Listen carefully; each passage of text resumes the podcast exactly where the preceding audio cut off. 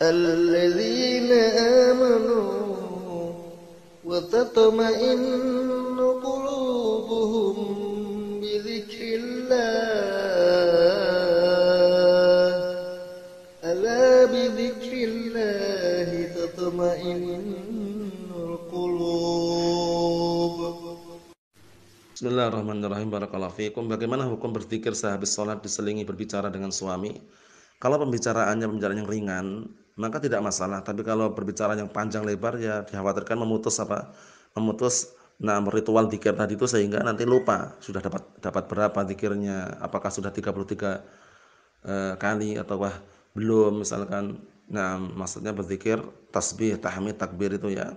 Nah, jadi kalau cuman ucapan yang ringan misalkan suaminya suaminya eh, suami perempuan tersebut nanya misalkan Afan kuncinya ditaruh di mana? Kemudian istri menjawab ditaruh di atas meja misalkan. Cuma ringan seperti itu enggak masalah lanjutkan lagi pikirnya. Tapi kalau udah ngobrol panjang lebar barakallahu fikum bagaimana rencana besok, bagaimana rencana buka, bagaimana rencana sahur misalkan itu kurang tepat. Selesaikan dulu pikirnya baru ngobrol yang obrolan-obrolan yang apa?